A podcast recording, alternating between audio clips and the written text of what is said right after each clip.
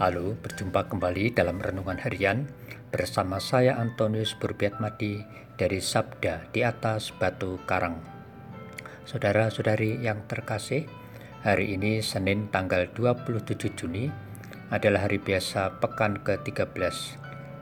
Hari ini gereja memperingati Santo Cyrilius dari Alexandria, seorang uskup dan bujangga gereja. Santa Emma, seorang pengaku iman. Tema renungan kita hari ini terinspirasi dari bacaan kitab suci. Bacaan pertama diambil dari kitab Amsal pasal 2 ayat 6 sampai dengan 10, dilanjutkan ayat 13 sampai dengan 16 dan bacaan Injil suci dari Injil Matius pasal 8 ayat 18 sampai dengan 22. Mari kita siapkan hati kita untuk mendengarkan sabda Tuhan yang akan dibacakan oleh Saudari Monica Rosa dari Paroki Kristus Raja Katedral Keuskupan Tanjung Karang. Pada suatu hari, banyak orang mengerumuni Yesus. Melihat hal itu, Yesus menyuruh bertolak ke seberang.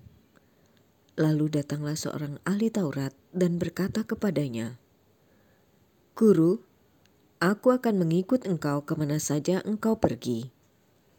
Yesus berkata kepadanya, Serigala mempunyai liang dan burung mempunyai sarang, tetapi anak manusia tidak mempunyai tempat untuk meletakkan kepalanya.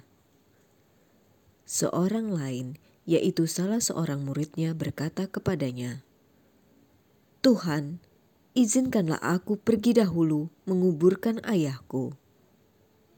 Tetapi Yesus berkata kepadanya, "Ikutlah Aku, dan biarkanlah orang-orang mati menguburkan orang-orang mati mereka."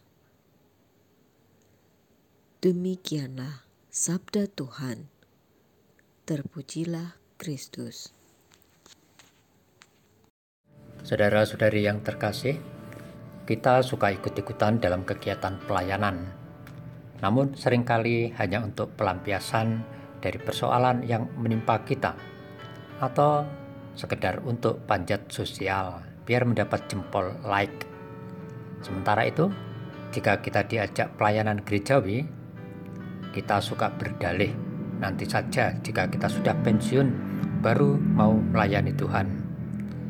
Sekarang masih punya tanggung jawab untuk keluarga atau mengejar karir pekerjaan. Saudara-saudari yang terkasih, bacaan Injil pada hari ini menggambarkan tentang seorang Farisi, orang yang sudah ahli dan sibuk dengan tugas-tugasnya, tetapi masih memiliki motivasi untuk menjadi murid Yesus. Ada juga salah seorang murid Yesus yang mau mengikutinya, namun ia masih ragu-ragu. Memang, keputusan untuk menjadi murid atau pengikut Yesus itu harus mampu memenuhi persyaratannya, yaitu sungguh-sungguh fokus pada tugas dan kehendaknya, tidak lagi memikirkan kepentingan diri sendiri atau keluarganya. Saudara-saudari yang terkasih, mumpung kita ini masih sehat, mari kita gunakan kesempatan baik ini untuk melakukan pekerjaan yang Tuhan butuhkan ada banyak pekerjaan Tuhan yang membutuhkan kita sebagai rekan kerjanya. Misalnya sebagai pengurus di lingkungan, anggota kur, lektor, dan sebagainya. Semoga sabda Tuhan hari ini menyegarkan kembali akan makna sakramen baptis yang telah kita terima. Mari kita wujudkan tugas perutusan kita sebagai murid dan pengikutnya, yakni jalankan rencana dan kehendaknya di atas kepentingan diri kita sendiri. Semoga Roh Kudus menggerakkan hati kita untuk mau ikut ambil bagian dalam pekerjaan Yesus bagi gereja dan sesama.